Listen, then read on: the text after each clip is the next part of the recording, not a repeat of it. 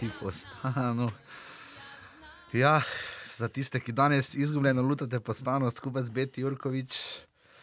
Dober dan, dobro jutro. Uh, in pa z našim desetim jubilejnim offsajdom. Deseti, res. To je, ja, to, prav mi, aj petko.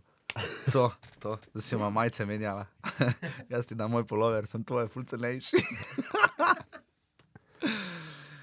ja. Kje si sedel včeraj? Uh, sedel sem stari na sektorju C, peta vrsta, ne? tako da se vsem tistim, ki so tam zraven sedeli, uh, res uh, uh, s pojasnilom opravičujem, pač malo me je zaneslo, veš, uh, tam pod narekovaj novinarska deformacija, koliko sem še novinar, sam mislim, da nisem, ampak uh, veš, ko imaš res možnost iti na eno tako tekmo, ko je ful pomembna, pa tam ne sediš za računalnikom, pa moraš biti ful tiho, pa to z mene je šlo vse ven. vse ven, ampak ne tako z enim, dve vrsti za mano, ne, Jezus Kristus, ne. Kaj ovi delujemo, čakaj, stari, to je bilo, to je bilo. Bil je oblečen celi v vse barve Slovenije, pa ni ene slovenske vse. Bilo na celi tekmi. Čakaj, čakaj, čakaj. Ne? En začel cel čas za mano, da je najdel Novakoviča. not. Ja, ja, ja.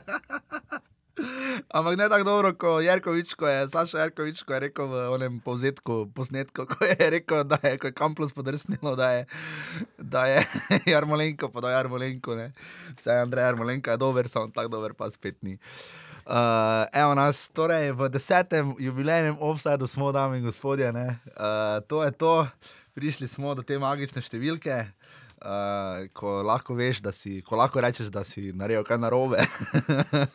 Ampak smo naredili tudi marsikaj prav. In ko začne zbirati donacije. Ja, ko začne zbirati donacije, o tem bomo tudi razmislili počasi, ja, uh, ker ste res pridni, nas opominjate, nas kritizirate.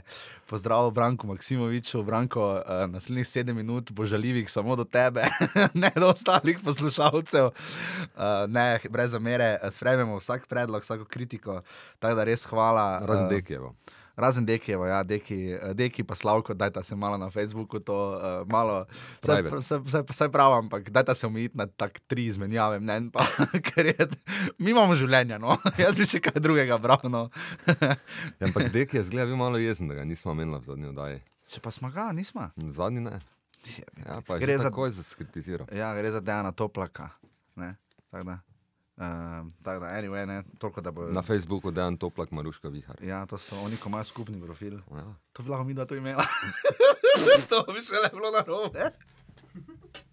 Jaša, Fabijan Cipot, Lorenčič. no, anyway, kot vidite, premoremo dobro dozo jutranjega smeha, kar je malo ironično, glede na vse skupaj, kar se je včeraj bilo dogajalo v ljudskem vrtu. Dame in gospodje, uh, ne bomo v družbi Albanije, Avstrije, Irske, Severne Irske, Mačarske in še kakšne druge manj uh, tradicionalne reprezentance, kar se tiče vrstitev na Evropska prvenstva.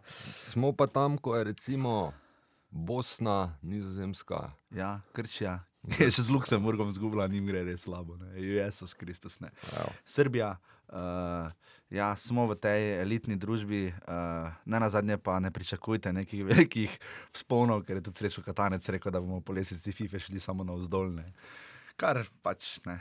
Fajn je biti selektor Ja, Tu, slovenske tu bi zdaj reprezentance. ono, ono tvoj eh, moto prišel prav, if you go down. Ja, kot je rekel, uh, kot je rekel Jerry Lee Lewis, ki ga je citiral enkrat Bruce Springsteen, uh, Jerry Lee Lewis, uh, ki je bil poročen s 13-letnico, pa tako naprej, ne vem, ker pestro življenje. On je enkrat dal res epsko izjavo, ne, uh, res epsko izjavo. Ne. I've hit the bottom and I'm working on my way down. Tako da mogoče smo, mogoče smo na tej točki nekje zdaj v slovenski nogometni reprezentanci, ampak preden preidemo na slovensko nogometno reprezentanco, bi še samo povedal, uh, danes je kot rečeno deseti offside. Ajde, bravo. E, bravo mi, Svaka bravo čast, mi, bravo mi. Svaka čast Ja. vsi, ki nas poslušate, ja. svaka čast. Svaka čast. Offside najdete tukaj, kjer ste ga našli, najdete ga na iTunesih, kjer nas uh, fulpridno recenzirate, uh, nam dajete petke. Pa onega, trojko. onega bomo najdli, onega bomo najdli. ko nam trojko Sledili ga bomo. Ziher je Tomič bil. Servo sem že, če nas poslušaš.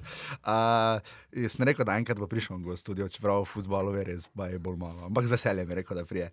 Uh, nas, veš kaj on naredil, kaj ima 50 to dajo? 100 to, kaj ima, ne 50 to, kaj ima, ima sam sabo, da.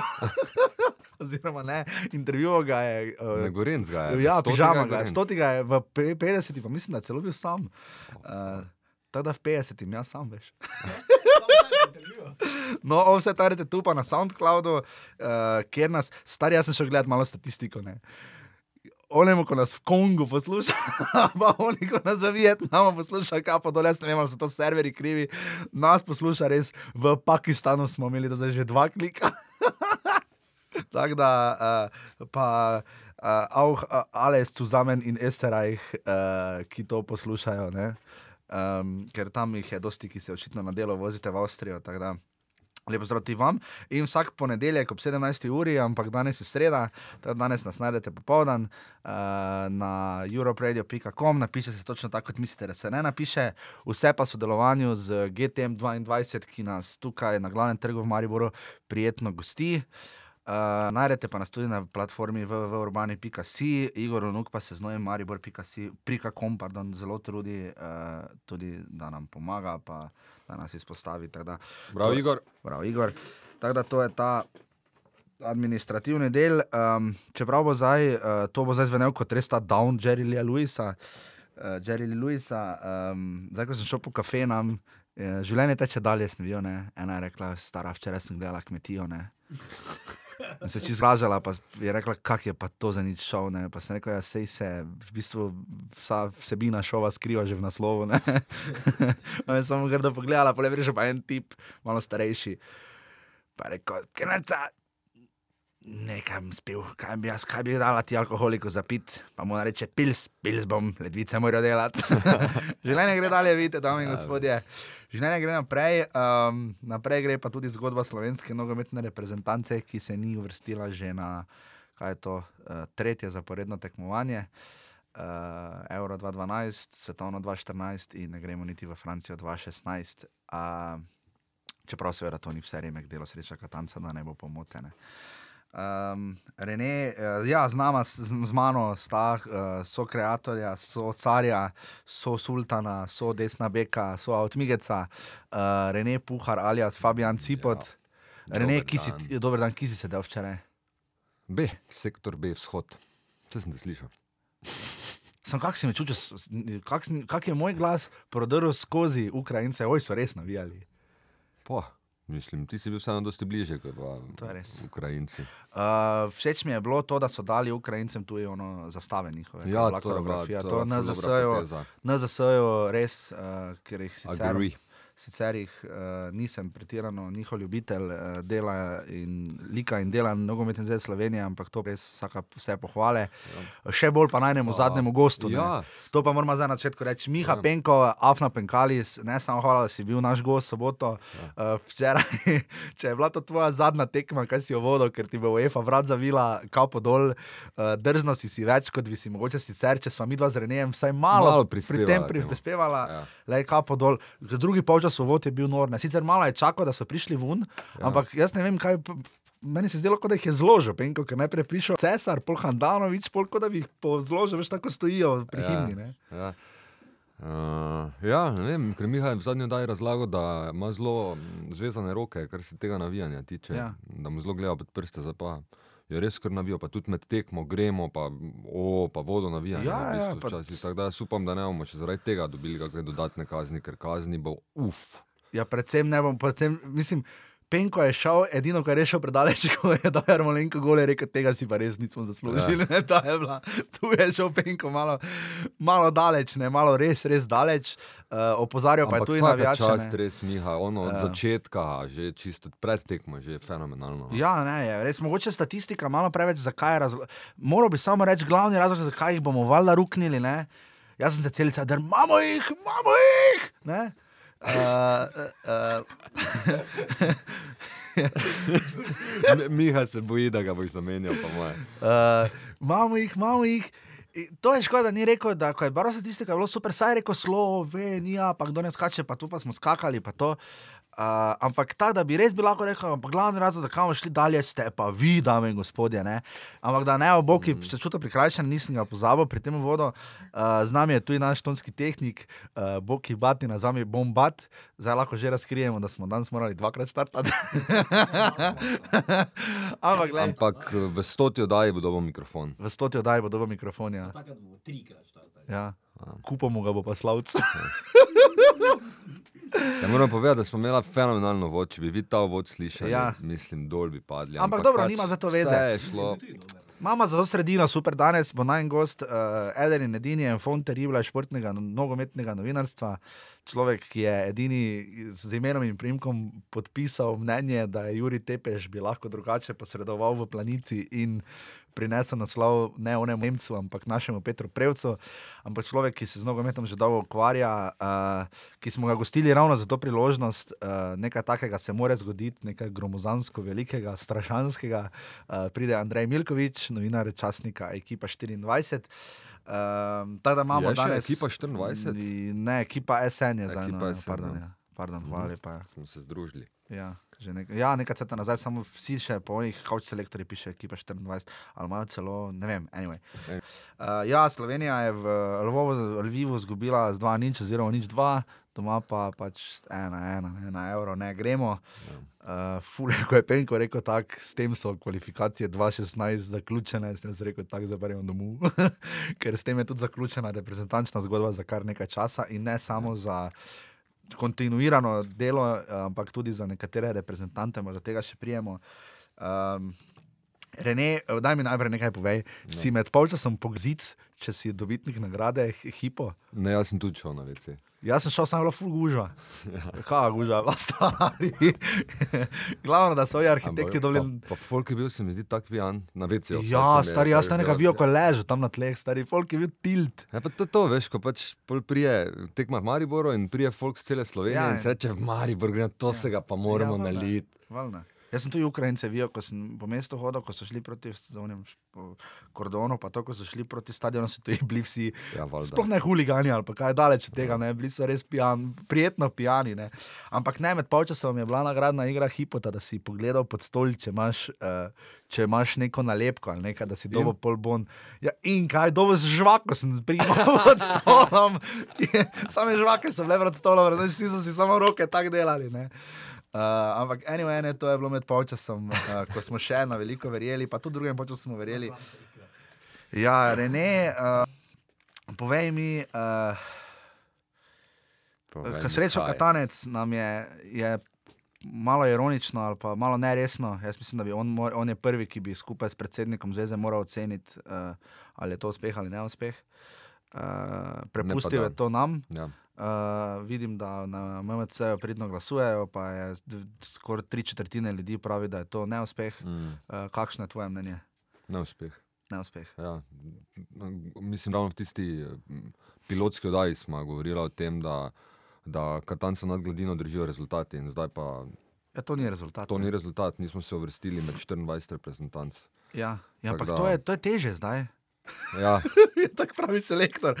Lej, če, Aleksandr Čeferin, naslov, mislim, da smo na dobri poti. Kam? ja se, to se mi zdi, da je ta tekma. Dreka. Ja, ta tekma je lahko res ma- malo vse skupaj zavedla, ker ta zadnja tekma zdaj res ni bila slaba. ne. Ne. Um, in to se mi zdi nevarnost.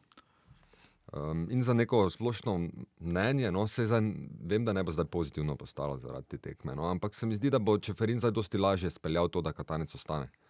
Ja, sem. Veš, zaradi tega, ker zdaj po tej tekmi je Katanca težko menjati. Evo.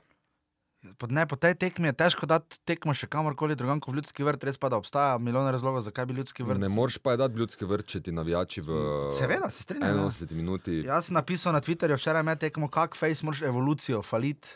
Da vržeš baklo, najprej pri 1-0 damo gol, ko bi šli lahko še po drugega, pa Ja, vržeš baklo, pa pol pa protestiraš, 10 minut Jaša. pred koncem. Ne? Ja, saj, pa jaz, jaz sumim, da te bakle bojo se pogosteje pojavljale, sploh če bo Katanec ostal na klopi, pa če bo Čeferin Ja. ja. tako naprej. In bojo navijači nabijali kazni svoji nogometni zvezi. Zdaj ta tekma je prikrila marsikaj, kar v tej reprezentanci ne štima. Ne? Ja, e, to bi se strinjal. ne. Um, Uh, misliš, da bi Kevin Campbell moral odpreti SP, glede na to, da je prekerec, ne? veš, on je vendarle včeraj predstavnik naj, naše generacije, ne? on je Ja. delal vse sam, ne? oni penziči spredaj so čakali. Ne? In Ma. videl sem mnenje navijačev, pač koliko sem bral, uh, so nekateri kampla strašansko kritizirali, ne? češ da je žoge zgubljal. Ja, pa kakih ne bi zgubljal, če Ja. ja. pa je edini imel. Ne? Ja, je edini nekaj več provo narediti, vsaj, vsaj po tleh. Ne. Ja, meni se zdi, da je. Da je, ne, vse reprezentance je bila super. Včeraj to je bilo, to je bilo na, na, meji incidenta. Je igrala, v bistvu. to, je Ja, bila, ja. to je bila fanatična borbenost, ki ni več na koncu bila samo, po mojem mnenju, ni bila več samo v športnih okvirih, ker v prvi minuti, jaz sem še pol doma posne, Cesar posnetek pogledal večkrat, um, namerno s komovcem iti v glavo, tudi če nasprotnika ne zadeneš. To je cesar se laznjava. Ja, je, je rdeč karton in tu ni bilo nobenega dvoma. Ja, samo cesar Uh, mu je vrnil za Ukrajino. Ne? Sam čakir s tem nima nič, ne vem. Nima nič. Samo tekma je slabo posredoval, Čakir je prišel na to tekmo, isto kot nekateri naši sodniki ali pa Damir Skomina. in Jaz sem se odločil, da bo ta tekma izgledala tako. In mu je tekma šla zelo hitro, zelo fejst, ker Ja. on je mislil, da bo pa dal rumeni karton, Ja. pa bojo dali mir. Ne, si nor, on je bilo tako vseeno, vse si vi omišljate. Ja. In Dame in tam gospodje, se- Številko dva je treba upokojiti. Ja. Za moje pojme je Mišo Brečko včeraj odigral najboljšo tekmo po Mm. zadnjih štirih let. Rdeči karton je bil seveda za več kot zaslužen. Če je to bila zadnja tekma Miša Brečka, meni je res žal, ne zato, meni je žal, da bo šel na tin. Mm. Enako velja za Handanoviča, Enako ki se je tam Pečnika. Pa... ja, ok, Pečnik se je zelo trudil včeraj. Ne? Marsikdo je za mene igral eh, včeraj najboljšo tekmo v reprezentanci do zdaj. Ilić. Ilič, Krhin, Brečko, Ja, Krhin za reprezentanco, sam Krhin je. za reprezentanco mislim. Ja. Včeraj je bil nenormalen. Trudil se je, fejst. Ne, sem Je pa v obrambi zamujal. Vse skoke pobral. To pa ja, je pa v obrambi dosti krat, ko je bilo treba pa z- pokrivati ena na ena. Za mene igralec tekme. Uh, Krhin, uh, Pečnik, um, vsi so igrali svojo najboljšo tekmo. No. Pa malo, da se vrnem, samo da, da ne bi zdaj. Ok, dobro, čeprav Cesar s tolkimi reprezentančnimi nastopi, da bi zdaj rekel, da je bila to najboljša. Ja, to je gol, pa imaš šanso za drugi gol. Ja, veš, pa malo mu zamerim to prvo minuto. No. Ampak, glej, ka, A, kar, kar se- hočem reči, glej, se strinjam, ker je dalo ton tekme. Da, ja, da, dalo je ton tekme, pa v bistvu ni mi všeč, meni ni vseeno, veš, na kak način zmagaš. No. Mislim, zmaga ni. Stari poved to Ukrajincem, kaj so ovi delali, ko so šli s stadiona dol, da mi ovi prsmi drži, pa ja, ampak, žalijo. glej, ker je bila tekma cel čas na meji incidenta. Ja, ampak to, zato so že Ukrajinci poskrbeli v Lvovu. Se, če bi Ukrajina igrala normalno na prvi tekmi, pa nas ne bi žalili, pa tako naprej, ok, vredno, še vedno sem v navijaški formi, Ja. se vljudno opravičujem. Se strinjam, ja. Glej, nekaj bi rad point ven z tega dobil. Okej. Zdi se mi, da je včeraj uh, se pokazal Katanec v najboljši luči in cela reprezentanca v najboljši luči. To je največ, kar mi lahko dobimo od te reprezentance in s tem selektorjem. Okay, to se Um, in, in to je zelo gledljivo. To je, to je uh, srce, borba, tek, vse štima, uh, dviguje publiko, ampak um, uh, to ni tekma, ki pa pol lahko začne igrati iličič, zato ker se eh, Ja, razmere, joj, joj. razmere na igrišču se čisto zaos, zaostrijo, vse postane Iličić pa bi, ja. fanatično, vse postane na meji incidenta in v bistvu mi lahko zmagujemo tekme proti boljšim nasprotnikom, s Katancem, samo na ta način da, da igramo brutalno, da igramo na meji rdečega kartona. Potem pa se pojavi vprašanje, Kdo lahko kak- igra? Kdo lahko tako igra. Iličič tako ne more, igrati Lazarevič tudi ne. Da nastane problem, kako bodo potem kreativci prišli noter, kaj bomo mi, mislim, hočemo mi gledati vedno še naprej reprezentanco brez kreativcev, po moje ne.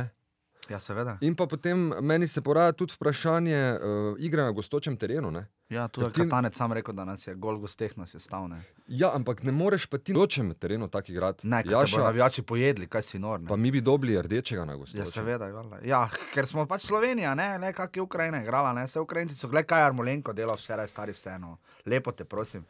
Mislim, všeč mi je Ja. bilo, da so naši vedeli, da bodo Ukrajinci zgrabili trnek, ne. Ja. Ker so vedeli, da To je- bodo iznoreli. To je zelo dobra. In to so, to so naši res dobro naredili, da so se spustili v njih in da, evo ti Ivan Cankar, dva iztegnjena sredinca, ti kažem, včeraj konč Slovenija ni izpadla kot hlapci, Ja. ampak smo se uprli, smo rekli, gledajte, ne boste vi nas na domačem igrišču, samo smo pač imeli potem strinjam. težave z sodnikom in kriterijem. Ne pozabili smo, da tekmo sodi sodnik, ne pa publika. Ne? Ker se mi zdi to Ne, včeraj. Ja, Včeraj je pa- publika zelo pritiskala, to je bilo vzdušje, le vsi okoli mene, uh, večina, dobro, videlo se je kar nekaj takih, ki so pač prišli pogledat, ker je bilo kul cool biti na taki tekmi, kar mi je bilo malo beda. Ker tudi kot sem šel iz stadiona, 95% ljudi je samo v tla gledalo, pa bilo tiho. Ne? To so za moje pojme res pravi navijači, ker so se pač zamislili, o je, bo te ne, pač ni šlo. Ja, Par jih tabu je- je bil prazen, v bistvu. Ja, v Tomo so šli vsi, ne pa. Razen eni Ukrajinci so tam sedeli. Eni, so pa, eni pa so se menili, kako bodo šli v službo, razumeš, ne te je jasno, zakaj so prišli na tekmo. Pa ne, da bi obsojal, ampak pač pravim samo, da večina stadiona je včeraj res, res. Jaz pač moja trditev te tekme in si jo bom zapomnil potem, je, da si je prvi gol dala publika, ker je Ukrajina se čisto sesedla. Ker tudi pijato, ni, pijato je kar gledal v enem kotu, ker v ljudski vrt, če je v taki izvedbi, v taki načici, če je navijači tako pritiskajo in je tako poln, kot je bil zdaj razprodano poln, je ljudski vrt kotl, je težko igrati. Ja. Ja. In še posebej ne Pijatova je tudi mogoče malo, malo obrambo ukrajinsko, ker je imel zazna, svoje navijače za golom, ki so tudi navijali fanatično. Ne? Mm, Pa se ti, se ti ni zdelo, da je vse skupaj že včeraj zgledalo malo tumač, da ni bilo več samo tisti nek okusen fanatizem, ampak da je že šlo malo prek meje. Ja, seveda je šlo prek meje. Pač, Ker tudi, recimo, gled, začelo se je vzklikati Rusija, Rusija. vem, to sem videl, to bo tudi kazen za Jezus Kristus. Ja, ja, ampak veš, res smo bili. Jaz se sicer nisem delal, ampak gledalci so bili res hudo, hudo sprovocirani, ker je cel čas bila taka tekma. Ne? Veš, kaj se je zgodilo? Veš, in pol, pol, pol prijajo pa res najbolj primitivna čustva. Na dan, Ja. no. in, in, in, Lej, ne moramo reči, da ne bo izpadlo, ni se cel stadion, da je Rusija. Rusija Ne, ne, ne. Pač eni posamezniki jim je vdarilo na to, ker je res, bila, res bilo, mislim, pretepanje. je Bilo, Ampak no. vdarilo je, na jaz televiziji, rekel- ker sem še bolj posnetek malo gledal. Se ni tako čulo. ja. Tisti, ki ste gledali na televiziji, tekma je bila meni v živo, dosti bolj Ne, to- to- incidentalna. Ker je meni tudi. Aljoša Harlamo, ko mi je pisal, češ ne vem, da ne vem, nekaj za navijači, pa tam, ko so eni pisali, da te navijači, bolj to navijači, ono, le kupi karto, pa pridi na tekmo. Ne. Jaz, tudi, jaz s kavča ne bi nikoli navijačev zabaval. Mislim, ja. ja, če bojo bakle metali, ker to lahko vidim, vzdušja pa ne morem soditi, ker kaj jaz vem, ki so mikrofoni postavljeni. Ja. In v ljudskem vrtu RTV postavi mikrofone očitno strašansko slabo, ker se, na, ker se ne sliši, ker na stadionu je res gromelo, celo navijali smo, ja. vsi se drli. Ampak jaz bi tu mogoče to izpostavil, da, da ja, je šlo predaleč, se strinjam, ampak ker sem sam gledal pri sebi, eh, da ta silna želja, ne, da bomo pa zdaj z dretjem, žvižganjem, pritiskom. Uh, Mešalo se je to pod, me, v meni, se, recimo, sodim po sebi, se je mešalo to pod pri, tudi pečnika, ne? pod priga. Pa včeraj si ga res imel zakaj. Ja, ok, ampak priga, navijaj, ampak veš, ko nam ni šlo, ko se je vstavilo, ko so le imeli smo itak srečo, ker so Ukrajinci imeli toliko šans, da je Jezus Kristus. Ne? Bolj čistih, jako Ja, ko mi. Mm. Ne? Uh, mislim, komod bi oni tri gole lahko dali, če, bi naši, če ne bi tega ja. Ja. fanatičnega branjenja bilo, ne? metanje Ja. z glavo, pa Ja. brečko, pa ne vem kaj vse. Ampak hotel sem reči to, da ta pozitivni pristop, Mm. imamo jih, dajmo gre, se je seveda, ko, nam, ko, ko je ura šla naprej, pa ko ni šlo, pa ko so Ukrajinci igrali tudi trd futbal, Ja, seveda.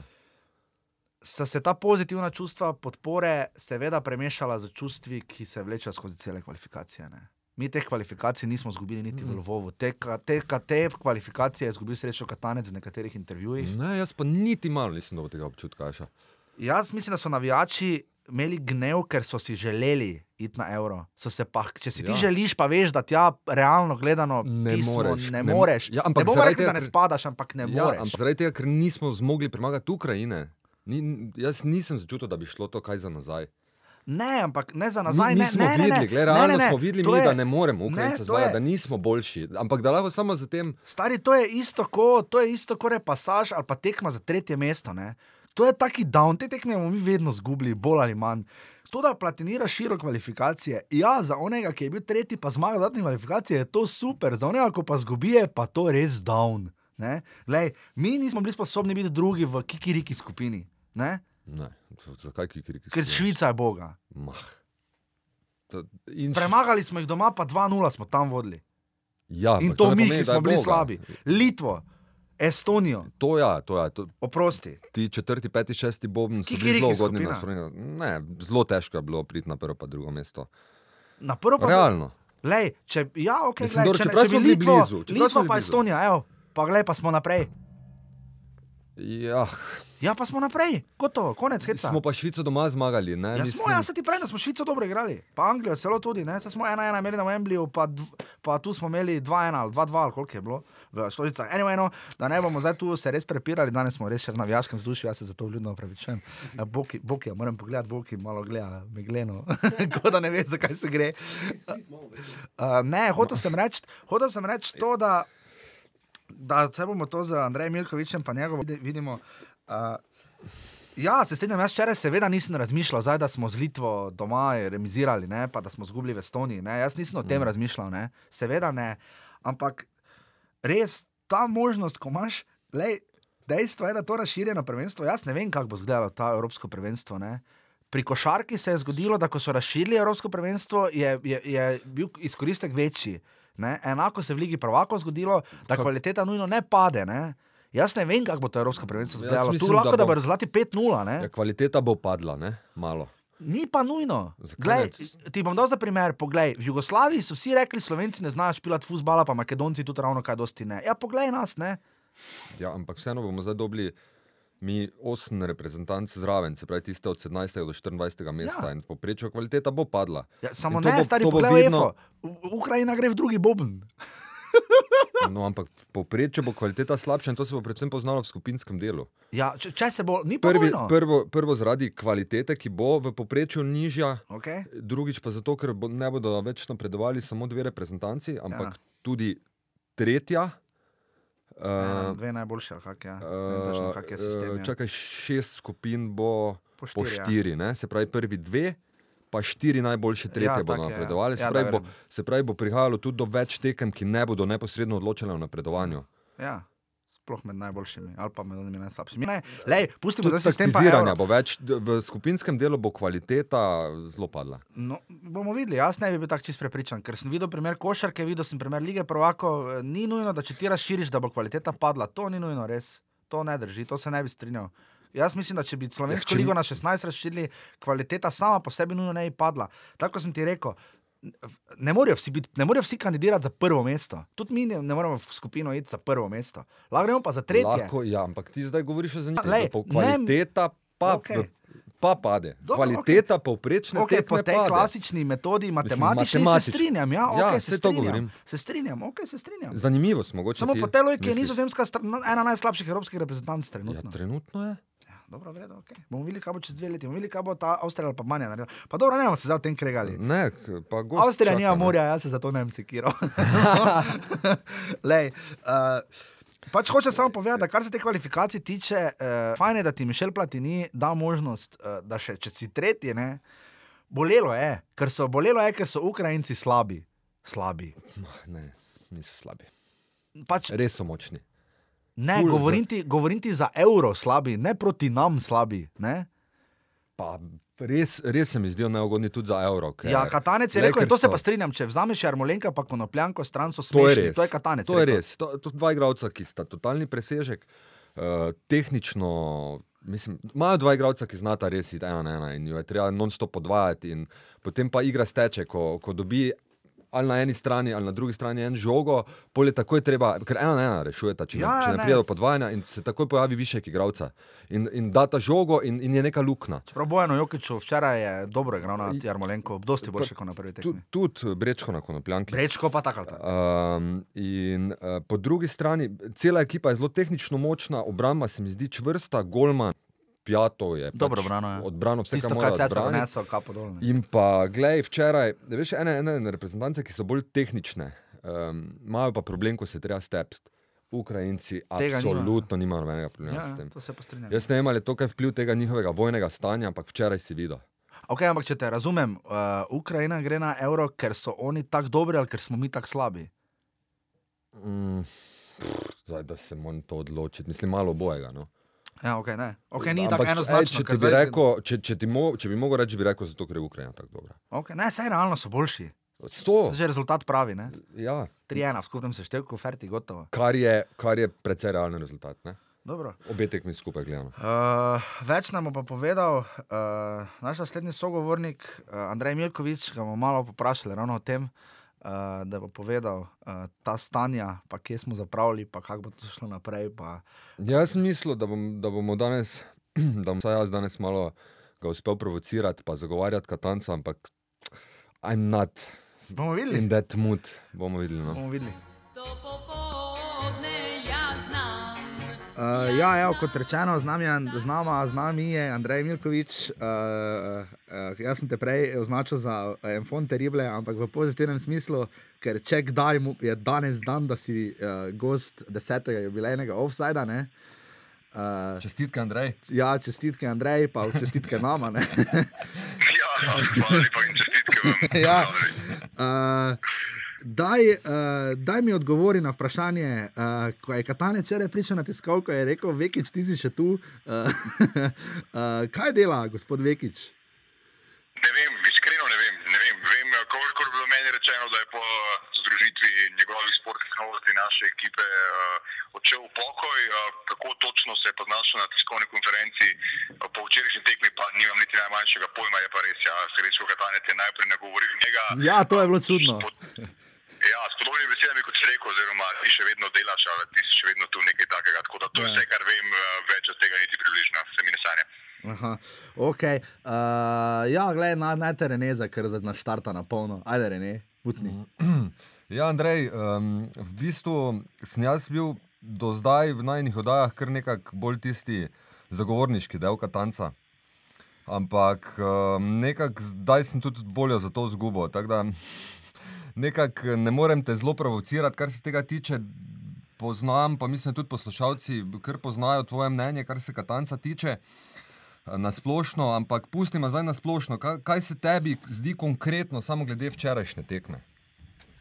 Glede včerajšnje tekme, um, mu jaz ne morem očitati niti najmanjše stvari. Mislim, včerajšnja tekma je bil njegov klasični, tako nekakšen all-in, torej popolno tveganje. Uh, odločil se je, da bo res postavil glavo na tnalo, torej da bo se ali na eni strani postavil veliki heroj, na drugi strani lahko, bi lahko postal uh, totalni bebet, glede na izbor prve enajsterice. Se pravi, če bi se mu pa z njo uspelo uvrstiti na Evropsko prvenstvo, potem bi uh, res dosegel spomeniško vrednost uh, na področju Slovenije. Uh, niti eno, niti drugo se na koncu ni šlo, tako da uh, na eni strani torej, ni velik heroj s temi fanti, ki jih je postavil na igrišče, na drugi strani se nikakor ni usmešil. Torej, dejansko je to bila ena izterica, ki je odigrala tako srčno, tako zagrizeno kot že dolgo nobena. Tako da v tem pogledu se mu je izšlo, ampak Bi vseeno pa zdaj po eni tekmi uh, karkoli spremeniti mnenje o njem, pa vendarle ne bi še tako daleč. Torej, jaz ga ne podpiram, nima moje podpore, nima mojega zaupanja. In uh, včerajšnja tekma je bila samo dokaz njegove negotovosti, nedoslednosti in da včasih ne ve, kaj točno igrati. Haha, šleka pac, viš, jaz imam podobno mnenje. Andrej, Andrej bi mogel cesar v prvi minuti včeraj biti rdečega.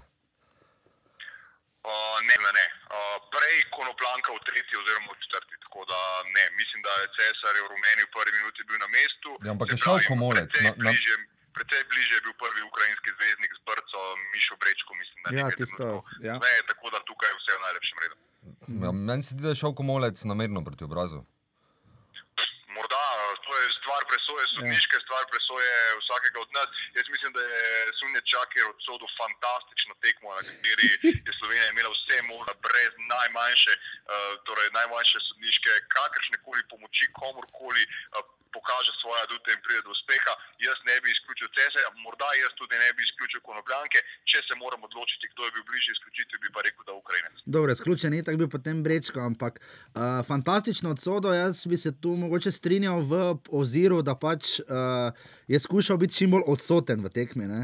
Uh, res pa je, da je No, mislim, Res pa je, da je prepustil, pač, mislim, res je bilo, ne je že bilo, ne. Uh, ker je res, mislim, vem, da je tekma Fejs odločala, ampak ne vem, meni se je čakir zdel, da je imel malo. Hotel je, da bi tekma zgledala malo po kriteriju, da bi se oni malo bolj, boljše razumeli med sabo. No. Uh, Mogoče, no, mislim, ene, vsaj, vsaj 10, če ne 15 situacij je bilo, kjer bi marsikdo zapiskal, pa on ni. To pa ja. To pa ja, to pa, to se pa strinjam. Ja, ker, Je pa, je pa mogoče od teh 15 situacij pa bilo 11 takih, kjer bi zapiskal v škodo Slovenije, pa ni tako. Da jaz mm. -hmm. mislim, da in iz čisto slovenskega, eh, neobjektivnega zornega kota, pa tudi iz čisto realnega, objektivnega, mislim, da je odsodil super tekmo. Morda je uh, ta njegova popustljivost ali pa dopuščanje moške igre, če smo zelo klišejski, uh, morda privedla res do kaotičnih zadnjih petih, šestih minut, kjer potem res je težko držal vajeti igre v svojih rokah in bi jo lažje držal, če bi prej postavil nekoliko drugačen kriterij, ampak mu tega ne zamerim. Uh, bolj zamerim recimo teh zadnjih pet minut uh, slovencem, ki so vse pustili sprovocirati in Ja. so zapravili nekako zadnjo priložnost za tisti vabank napad. Ja. Lej, um, ko zdaj pogledaš nazaj, Katanec je rekel, da se je najbolj poznalo to, da nismo dali gola v gosteh. ne.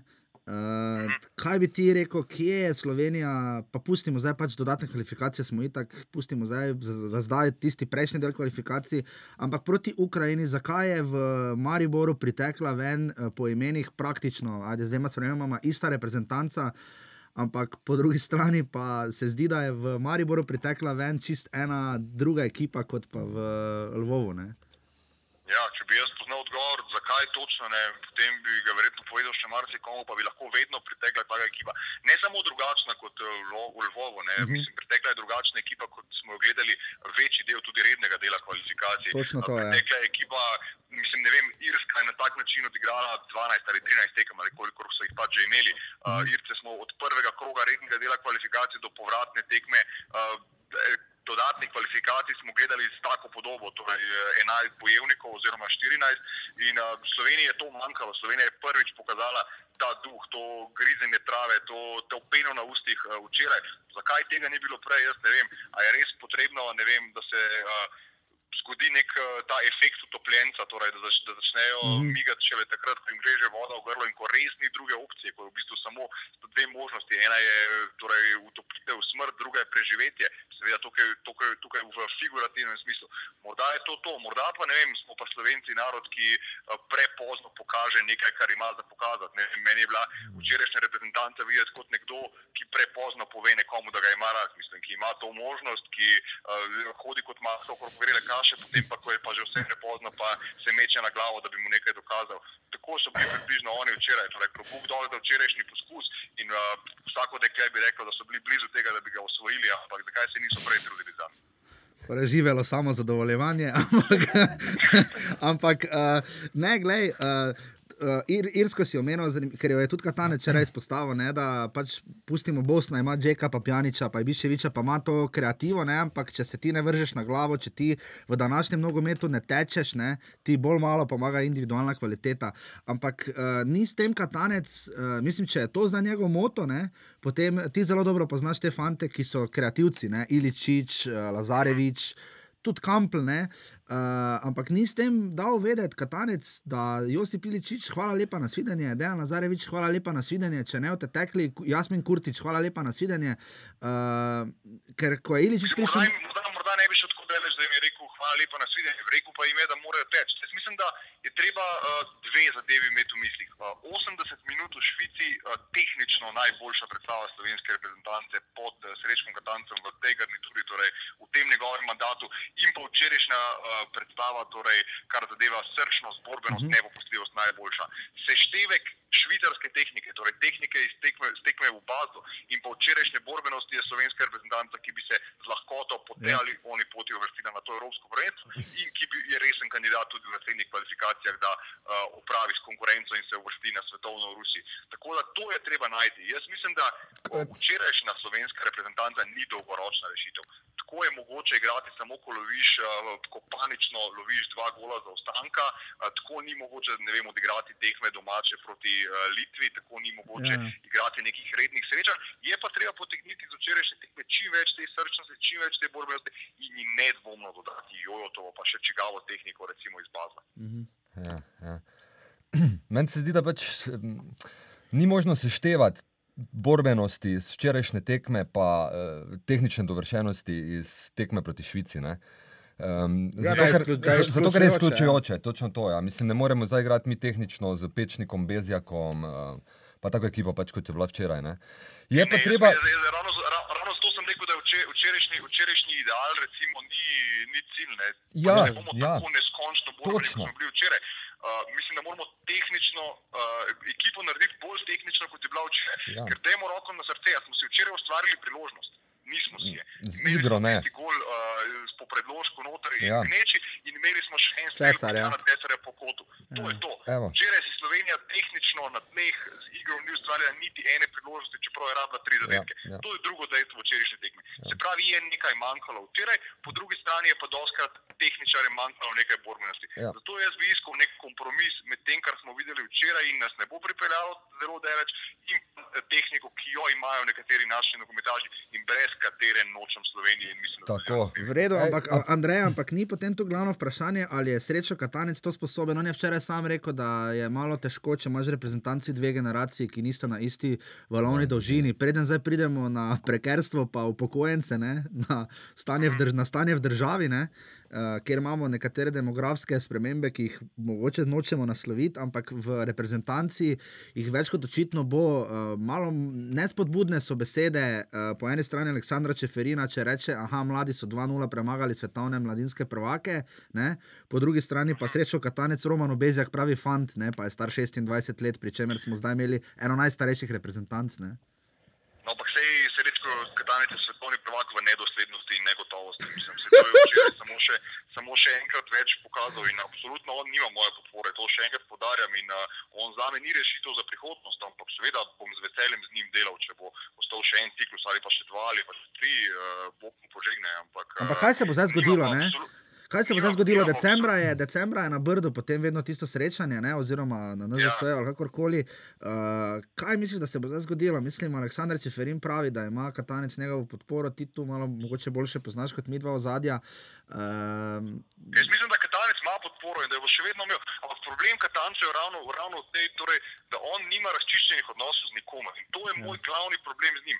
Uh, on nima, razčišč, nim, nima razčiščenih odnosov z, z Mišem Brečkom, ki ni bil član reprezentance, pa je zdaj kar naenkrat bil najboljši igrič v Ja. ja. števku dveh tekem. Ja. Nima razčiščenih odnosov z Romanom Bezekom, ki pred šestimi dnevi ni bil dovolj dober za reprezentanco. Ja. Včeraj je bil, uh, včeraj je bil prvih 11 in ga je hvalil. Nima razčiščenih odnosov z mnogimi igralcev, nima razčiščenih odnosov z NZS-jem, torej spet pride, pojavi se pred mediji in pove, da ne ve, kako naprej, kar je v zadnjih dveh letih rekel že petkrat, in nima razčiščenih odnosov z mediji. Tako da on je res uh, človek s popolnoma popolne negotovosti, nerazčiščenosti in spet smo tam, ker smo bili že nekajkrat v tem njegovem mandatu. Torej, da on pride in pravi, ne vem, kaj bom. Ja. Mislim, jaz ne vem, na eni strani sta možna, po mojem, samo dva, dva nastopa včerajšnja. Eden je, absolutno želim ostati selektor odločen NZS in drugi je, nočem več biti selektor odhajam. To nekaj vmes. Tega je pri njemu preveč na vseh področjih. Ja, Ampak kaj, ja. Andrej, misliš eh, konkretno s temi neraščiščenimi odnosi z Brečkom, Bezjakom? Ker Je, da, so včeraj. pač, da, da, da, stvari, da, stvari pač, uh, da stvari ostajajo v negotovosti, da enostavno nekoga tri akcije ni, pa se potem spet Ja, ja, ja. pojavi, pa vmes ni pojasnjeno, zakaj uh, ga ni bilo, pa zakaj je spet nazaj. Ja, mogoče pa in on tako jim naprej in pojasni. Čisto taki odnosi. Uh, Prej, prej ne obstoja odnosov, no, kot ne razčiščenih. Ja, ampak mogoče imajo pa oni med sabo zelo dobre odnose. Veš, ker včeraj so se vsi borili, ne vem, ali za njega. Si v reprezentanci, sicer te pa ni. Ja. Mogoče pa je, gledaj, mogoče pa je, Andrej, mogoče pa je srečo Katanec ultimativni kaut selektor. Ne? On da, on v bistvu retroaktivno dela, ne? da ekipo ven, počaka, kaj bo javnost rekla, pa potem na novo sestavi. ne. Ja, morda, morda, ali pa tudi prve spletne odzive, pa to no, ne vem, morda, morda rasti pa tako, čeprav ne vem, no, koliko res njega poznam, ne da nekaj veliko, ali pa se samo dela, da ne da, ne vem. Ja. Zelo težko je to. Ja, včeraj je rekel, da ga je sram, bi ga lahko bilo zaradi marsičesar, kar se je pisalo v. Očitno v tem obdobju, verjetno ni govoril za nazaj, za svojo prvo reprezentančno akcijo. Uh, Tako da, um, ne vem, tu, tu pri Katancu, mi, misliš, opcija, da bi on odstopil, verjetno ni. Ne? Ne, jaz mislim, da ne, no. vsaj, ne, vsaj ne na tak način, kot bi recimo odstopili ljudje, ki imajo res uh, razčiščene stvari. Jaz mislim, da njega preveč stvari tako na pol tare, uh, da živi v tej negotovosti, ki sem jo že nekajkrat izpostavil.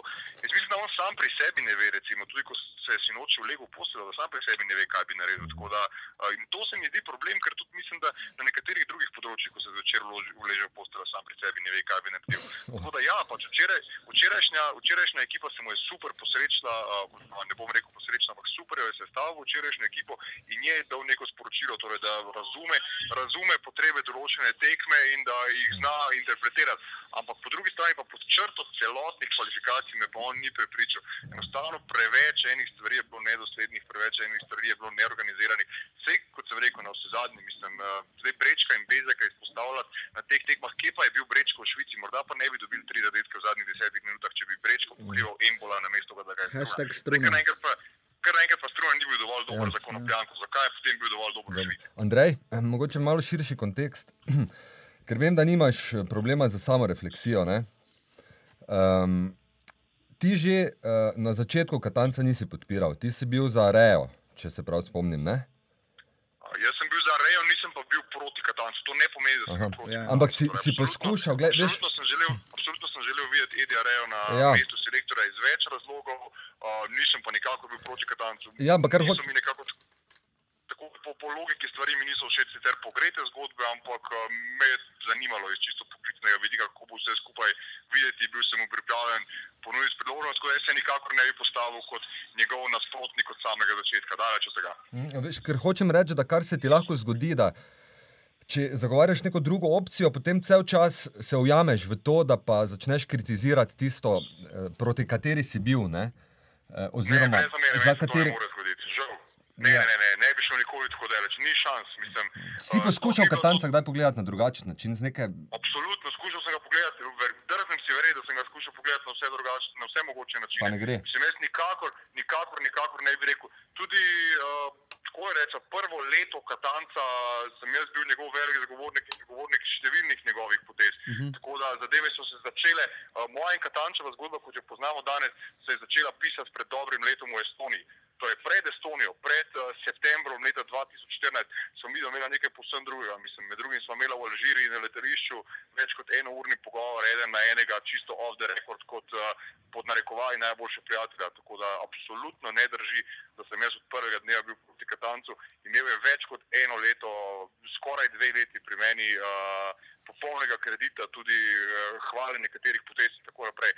Od Talina dalje se je pa začela ta njegova, torej ko se je on tam prikazal in povedal, da smo odigrali super tekmo in jo nažalost izgubili, tam se pa mi je začela se razhajati. Tako da nikakor se mi ni zgodilo to, da bi uh, neko opcijo blatil samo zato, ker ni bila moja opcija, Mm, ker uh, nisem, bil, nisem bil proti njej. Uh, v onem intervjuju, ko ste ga imeli, ki je bil bolj osebne narave, če lahko tako rečem, Ja. ne, uh, ti je mogoče zdaj, ne žal, ampak se zdaj spomniš kaj, da bi ga še lahko takrat vprašal, ker tisti intervju, meni se je na koncu zdel, da ste šli 0-0, po zelo, zelo trdi tekmi ste šli na razen z 0-0. ne. Ja, Uh, ali pa tri, ne se je zdaj bolj 3-3. No, Aha, okej, no. uh, ja, mislim, 3-3 imam raje kot 0-0. Pa ne, jaz, meni je bil intervju všeč, še danes mi je všeč, še danes mislim, da je ena, bila ena posebna zadeva, drugačna.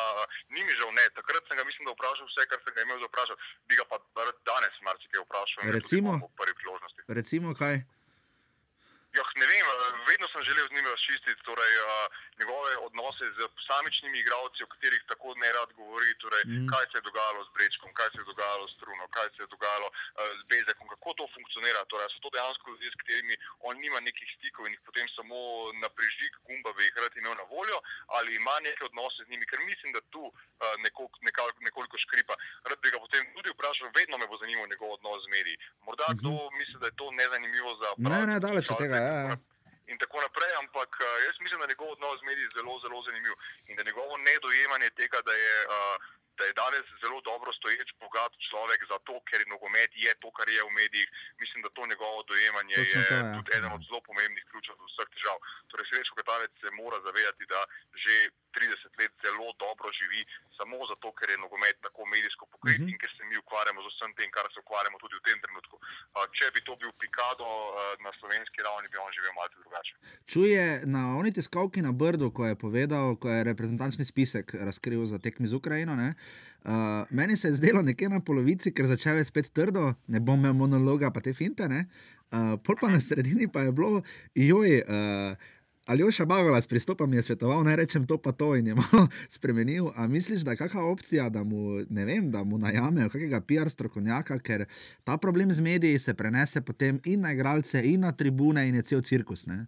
Jaz mislim, da če bo ostal, da to je opcija in tudi sem trdno prepričan, da med uh, oktobrskim reprezentančnim zborom in pa tem njegovim novembrskim nastopom in nasploh njegovo novembrsko podobo, da so že delali z njim na tem področju. Uh -huh. uh, za tem stojim maksimalno in to je bil drugačen katanec, to je bil katanec, ki se je bolj trudil na tem področju, sicer je še vedno imel prebliske, kot je bil recimo offside neobstoječi v Ukrajini. Ja, ja, ampak, jo, ja. Mislim, da so delali z njim na tem področju in mislim, da če bo ostal, da še bodo.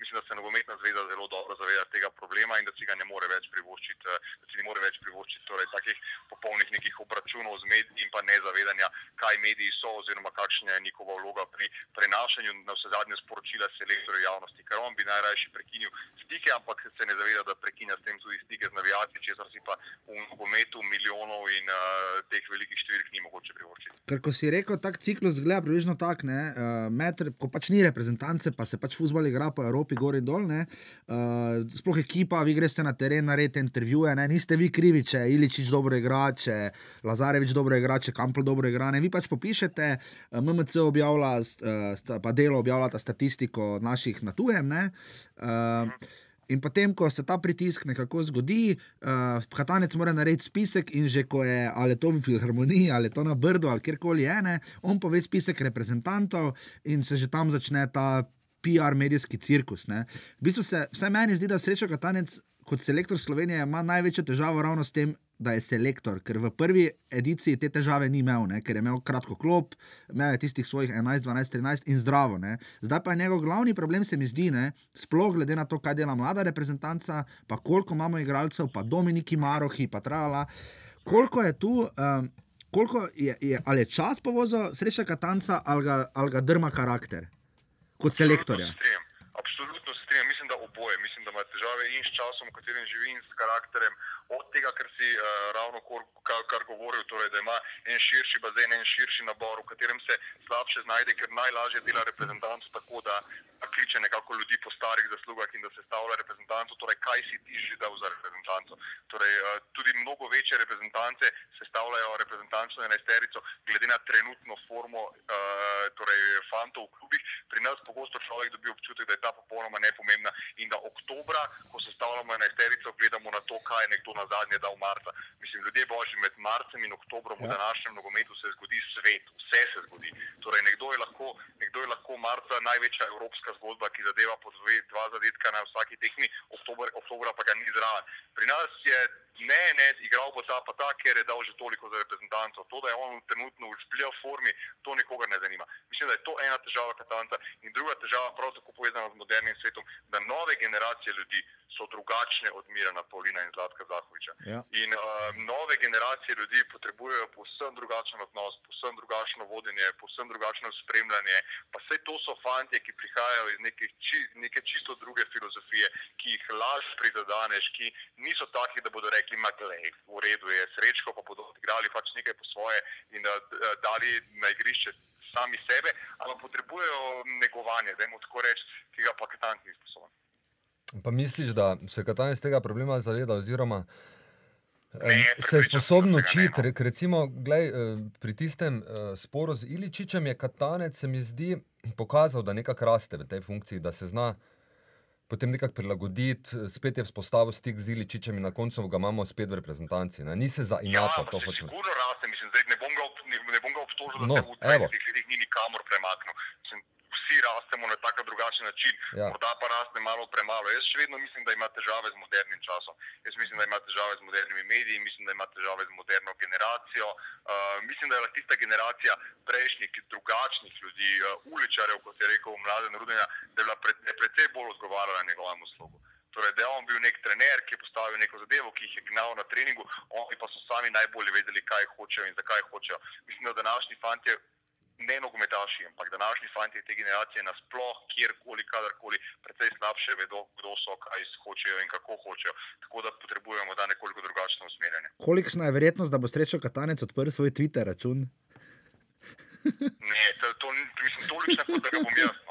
Ni možnosti, jaz ga tudi ne bom. Tako Jaz ga Vem, da ga nimaš, ja. ker jaz sem daleč od tega, da bi bil uh, ultramodern, predstavnik ultramoderne družbe. Mhm. Mm -hmm. Jaz ga zagotovo ne bom odprl, pa mislim, da ga tudi on zagotovo ne bo. Uh, okay, uh, morda še ta del, kar se reprezentance tiče, uh, zdaj je kar dolga pauza, ne? z izjemo žura na Brdu, kakorkoli bo to žur.